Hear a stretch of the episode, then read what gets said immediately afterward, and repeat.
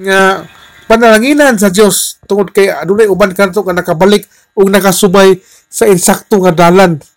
Kini nagsulti kanato nga wala gayud kita biyahe sa Dios so dinha pa lamang mga igsoon makita na nato nga unsa ang realidad sa saad sa Dios nga wala gayud siya ma- wala ta niya pasagdi ba nga padayon na lang ta nga kaning eh, kuptan ni Satanas ang tibok kalibutan nga kita na lang tao di lang gyud mubalik pag ila sa Ginoo. Okay wala man kita biyahe sa Dios daghan siya gipadala nga mga tawo nga mo mo sangyaw mo mo paila nga naa gayud ang Dios nagtawag kano balik kadto sa ila puy-anan bisan gali karon panahona wala gihapon biyahe sa Ginoo ang kalibutan. Kitang katawan naa sa gipanggamit nga mga tawo naa sa gipangtawag.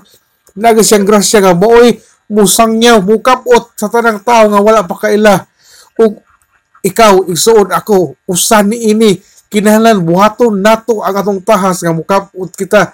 Kay tinuod gayon. Bisan pag magsige kita balik-balik. Hapit na gayud mo balik. Ginoo sa Kristo sa atong kalibutan. Ug ni anang adlaw makuyaw kayo mga igsuon nga maabtan kita nga wala pagyud kita nakadawat sa Ginoo. Ang pagbanamkon sa usa ka batang dalaga o virgin. Noon ini panahon na si Virgin Mary. Si Maria ang katong usa ka babae nga gibitsot na gi gisaaran na nga ipapares ni Jose. Usa kini sa kadalaga na mura gyapon sa linya o sa laray ni Haring David. Dayon mga anak siya usa ka batang lalaki.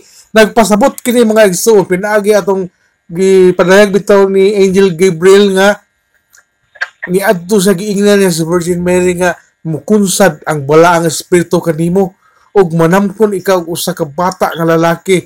So dili pinaagi sa tawhanon nga proseso kundili ang balaang espiritu mismo mukunsad nga to ni Birhen Maria. Mo na nga gitawag kini og Dios nung gahom dayon Dios nung kaputli. Kay nga naman si, si Maria putli bagid wala na hilabti. Pero natingala si Jose nga usa ba niya akong pangasawa unon. Wala makanin na hilabti. Wala po na ako ni mahilabti pero nagsabak. Ako tingalin din siyang biyaan. Dili na ako na siya pabalon mo plano ni Jose. Pero atong gabi una gipdamgo siya nga ayaw. Kay kanang babae nga imong kauban nga si Birhing Maria nagsabak kana og batang lalaki nga mao ang anak sa Dios so si Jose nakasabot siya nga naada sila role. Instrument siya. Instrument usab si Birhen Maria sa pag-abot sa Ginoo dinhi they were just vessels gigamit lamang sila sa Dios nga mahimong instrumento sama usab nimo ug ako. So tungod sa nahitabo ni Maria nga siya mangayod ang gipadaygan sa mensahe ug mao'y mahimong amahan sa bugtong anak sa Dios nahimo siya nga bulahan. So wala siya wala mahimo si Maria nga Dios kay dito lamang niya gipaagi. So ang tinuod niya na kung imong sabton ka ng istorya si Maria was only a human parent to Jesus. Muna din na wala gid na siya nahimong Dios tungod ni anak pareha man guna atong ako ang kauban sa una sa CFD nga tungod kay ang Ginoo na ay amahan butangan budot inahan. Nung anong itandi manila itapad manila ang inahan nga wala magina nahisulat sa Biblia nga naay inahan si Ginoo sa Kristo sa matag ampo niya amahan ang tawag wala sa maingon og inahan. So wala wala gid na. So naay mga sayop nga pagtuluran nga galihok sa atong kalibutan nga daghan ang nakasunod. Nga kinahanglan nato ang nagsunod nini atong ipabalik sa insakto nga paglantaw og pagtuo. Dili ingon nga atong kontrahon ang nahimong inahan. Dili man nato na siya kay kontrahon. Kay ana pa na naghimo man sa instrument. Ato lang klaruhon nga ang kaniyang gisabak og natawo mao ni ang atong Ginoo mga igsuon. Og ang kaning bata mahimong tragsaon kaayo. Nga naman muirog na dito sa Isaiah 9:6 nag-ingon magod nga natawo alang kanato usa ka bata gihatag kanato usa ka anak nga lalaki. Di man gyud nato ni nga lalaki gyud. Aron makaingon gyud mga nagpatuto nga dili babae oy. Lalaki gyud og siya ang magmando sa tanan. Siya gayud og nganlan siya maalamong magtatambag. Ah Dios nga gamhanan amahan hangtod sa katuran prinsipe sa pakigdait babay dugang dire prinsipe sa pagdait o wala. Muna sa mga igsoon ang mga titles nga gisulat ni Isaiah bahin ni Ginoo sa Kristo. Uh, katong pagsulat ni Isaiah gibutang mangod nga Emmanuel ang Dios uban kanato God with us. Ang Dios uban sa atong kinaiya. So pareha ta og kinaiya kinahanglan sa Dios sa usa ka kasabutan naatay kasabutan sa Dios kaning giingon bitaw nga covenant first covenant si Moses ug ang Dios second covenant ang balaod sa Dios gibutang sa atong kasing-kasing ug sa atong una-una nga di ta kinahanglan sultian ato na lang bation ug ato lang ipagawas atong pagtuo na ana dito sa grasya mga igsoon nga sa bagong panahon ang mga hintel dili na sila mutuo dili ta kinahanglan mo subay pa ni atong mosaic law nga gihimo ni Moses Kay ang balaod sa Dios naa na sa atong kasing-kasing. Wit ka na lang kita sa balaang espiritu aron kato siya ma-energize sa kamatuoran nga mosunod kita og mailan Ginoo Hesus Kristo. Ang Emmanuel na tuman mga igsoon nga na sa paghatag og ngalan sa bata ug ang ngalan sa bata tinuod ibutang ginganlan ni Maria sumala sa gisulti sa anghel nga Jesus. Basta na to kadyot, uh, naman sa Mateo 1. Akong hilinyahan ni versikulo 21 ngadto sa 23. Mga anak siya batang lalaki o nganli siya Jesus kay luwason niya ang iyang katawhan gikan sa ilang kasalanan. O gining tanan nahitabo aron matuman ang giingon sa Ginoo pinaagi sa propeta ang usa ka putli nga batan ang babae magsabak unya mga anak o batang lalaki nganlan siya Emmanuel nga sa ato ba ang Dios aniya uban kanato mga igsoon gibalik-balik nako batang lalaki. O din sa Mateo 21, ang muluwas sa iyang katawan gikan sa ilang kasalanan. Indisputable, dili ma-dispute ang maong statement sa Biblia nga ang kining maong batang lalaki mao si Ginoo si Kristo atong Ginoo o siya ang muluwas sa katawhan gikan sa ilang kat kalanan nato mga igsoon suwalay lain nga magpaila-ila karon. Nga moingon siya nga siya mo o mo ni ang mahimo mo na lagi ingon ni tatay nga usa ni siya ka false prophet usa ni siya ka false teacher nagpatuto impostor mga igsoon. So si Jesus mao ang pagbarayag sa gugma sa Dios nganhi kanato ang Dios gayud ang mubuntog sa tanan niyang kaaway. Muna nga ikaw ako mga igsoon kun ay mangaway nato dili kita musukol. Kay God will fight for us. Na amo na gina kutlo man ni Jesus amay og ni Luloy no? God will fight for us pagpuyo lamang. Kay ang Dios gave mo mubuntog sa atong mga kaaway. Siya nga mensahero sa batugang magtatambag. Mao ni ang prinsipe sa kaswagan ug tighatag sa mga panalangin. Mao ni siya ang atong pag-ila ni Ginoo Kristo. Prinsipe sa kauswagan. Siya makahatag sa tanan nga kauswagan nato. Prosperity. Ug siya pagyud ang mo bundak og kapila nga pilo nga panalangin sa tong kinabuhi ug atong option ngayon nga pinaka-importante mga igso ng spiritual blessing unya ta magapas anang kwarta unya ta mag-awa magapas anang mga riches ug mga opulence espirituhanon gayud kay mo ni pinaka-importante nga mabutang sa tong kinabuhi kay mo man ni tabang nato nga maglihok Dayon ang pagkatawo ginaya sa atong manluluwas gibutang ngadto sa pinakaanindot nga pagkasulti sa atong pinulungan. Mo to akong gibasa kanina sa Isaiah 9:6.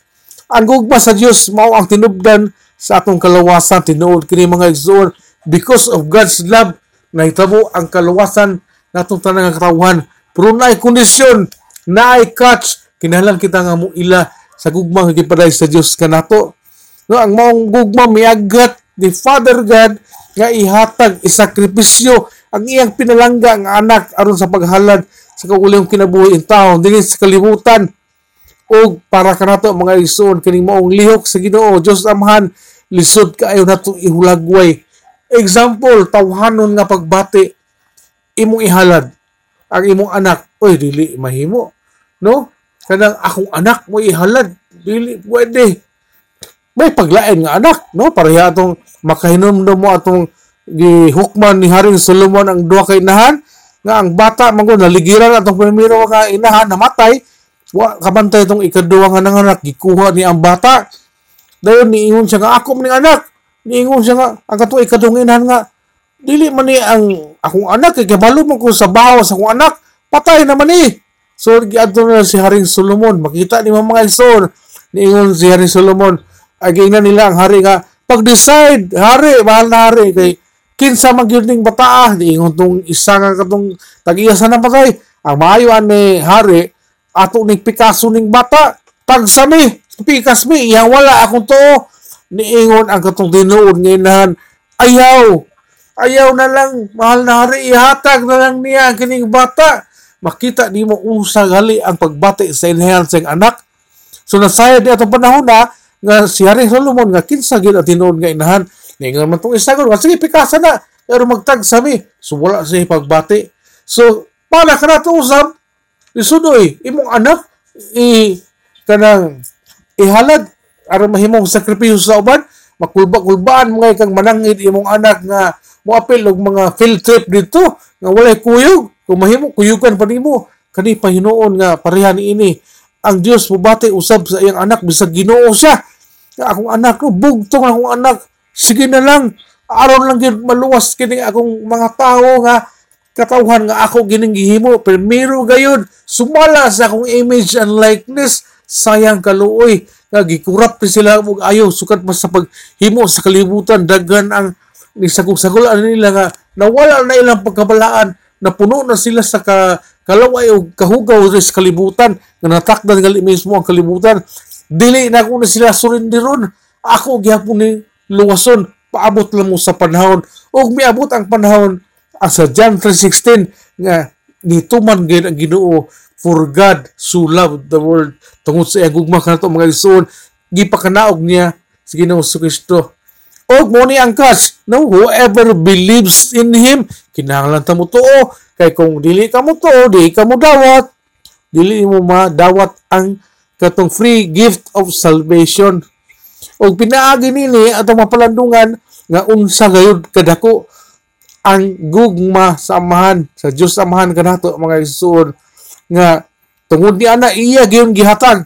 So sa Ginoo sa Kristo mo ang tawhanong pagpadayag sa Dios nung kinaya nganni kanato gipadayag sa Dios ang iyang kinaya pinaga siyang bugtong anak nga nagpagkatawo so ang Dios mipakita kanato pinaagi mismo ni Ginoo Kristo nga nagpagkatawo nahimo siyang tao, may puyo uban ka nato, no? Atong panahon na nakighalibulilo siya sa iyang mga disipulo ug sa pipila ka tawo nga iyang gipangayo nakaistorya kaniya ug iyang gihimong temporaryong puloy-anan ang kining atong kalibutan alang sa iyang pagka-Dios hangtod sa hangtod kinahanglan siya mulabay sa mga pag-antos o makita na to gisulat sa Biblia kay malo mo kita nga nagpaabos pag-ayo sa Ginoo Kristo o kita usab nga sumusunod niya, nagsunod kaniya, angay kita mo awat siyang gihimo.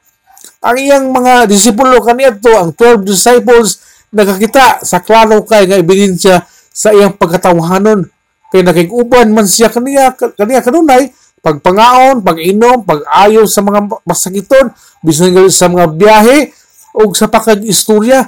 Na may mga pipila ka disciples nga, magsige pong istorya sa ginoo na ila-ila gayud nila nga ang Ginoo gayud si Ginoo Kristo ilang na istorya o na sa mga saad bisan manggalit sa iyang pagkabanhaw naging istorya pag siya kanila. So sila nagpamutuod nga ilang gikauban ang atong Ginoo sa iyang grasya sa pagtugyan sa panalangin o sa iyang pagkamatuod pagkapuno sa pabor sa iyang kaluoy ngadto sa tanang tao nga iyang masugatan. Ang ubang mga disciples dili ganahan mo dool atong katong liper kay leprosy man. For si Jesus Christ miduol mihikap kagay niya.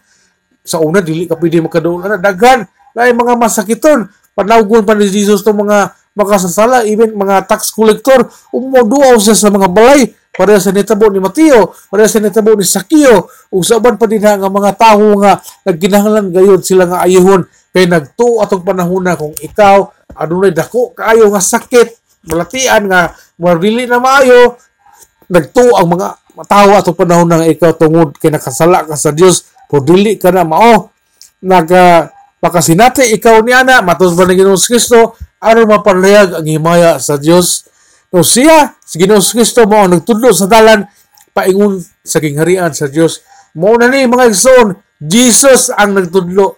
Jesus is the way. Wala gatulo ang si bisan kinsa dira bisan unsa pagyud si Jesus sa gyud. Uban sa pagpakita niya sa iyang pagkasimple nga tawo pagkayano. Busa si Jesus nahimong takos sa atong mga pasidungog ug pagtahod sa wali pa na samay ang tanan luho uh, tuhod upilo din na kaniya. Uban ang atong kalagsik sa kamatuoran nga ana kaniya. Ma-energize kita sa truth nga musangyaw nini mga igsoon. Mo man mo ni siya ang epekto sa pagkatao Ginoo sa Kristo. Nagpagkatao siya nagpalayag siya kung galing sa kalibutan o kita mismo nga nasayod nini mo ni ang atong isangyaw So tuwig so tangyaw nga Jesus came diri sa kalibutan nagpagkatao aron tumanon ang saad sa iyang amahan nga luwasan kitang tanan. O kay sa Ginoos Kristo ning balik naman dito sa taas gibinlan kita niya usa ka mando usa ka komisyon mga igsoon sa pagkabot. Dili lang wali kung dili mo tudlo og muhimo og mga tinun-an usab. So mo mga igsoon nga wala tao o nga wala nga, nga makalantugi o makahimong kontrobersya sa kamatuoran nga si Ginoo sa Kristo nagpakita nga tao siya na ay mga pagtuo karon nga wala na nila tuuhi si Ginoo sa Kristo. No, ako insulte ni. Balik Hebreo. Kaning balik Hebreo, luoy katong akong na istorya. First batch siya sa Bible School. Pastor siya sa una. Sa ba kung pastor ka sa una, eskwela kag Bible School, nagtuog ka og Trinity, Father, Son, and the Holy Spirit Pagkita na mo mga igsoon, niingon na siya nga wala na nila tuuhi si Jesus o ang Holy Spirit na unsaon man nimo pagkumpleto sa imong pagtuo kung wala si Ginoo sa Kristo. Dito na kasamahan. Unsa may naa nimo? Napoy uban nga mga pagtuo. Si Kristo nahimong gamay, nahimong pon. Ang Dios nahimong king na bali. No, parihara na sila. Tupong na. No, uh, three persons one God. Father, Son, Holy Spirit. Lalayan na silang personas, pero usara na sila nga puros Diyos. Diyos Amahan, Diyos Anak, o Diyos Espiritu Santo. So sa pagtapos na mga igsoon, atong atong hadnomon kanunay sa atong hunahuna nga si Kristo mo ang gisaad nga manluluwas o giila nga maulamang ang makaluwas natong tanan. No other else, no one else. Di ta maluwas sa politiko. Di ta maluwas sa unsa man nga mga tagna tagna nila. Katong gisgutan ni sis gigi nga si kinsa to Baldwin. Wala makaluwas. Dili ta maluwas sa atong ginikanan. Dili ta maluwas sa mga simbahan. O dili kita maluwas sa atong mga pares sa kinabuhi. Dili ta maluwas sa unsa nila nga mga kipanggunitan nato nga mga atam-atam kundi si Jesus lamang the name above all names. Na, na ato sa Acts 4.12 ba to? Nga wala laing gihatag nga ngalan din sa kalibutan. Diin kita tanan maluwas si Jesus sa gyud unya kay wala man si Jesus sa ilang kinabuhi.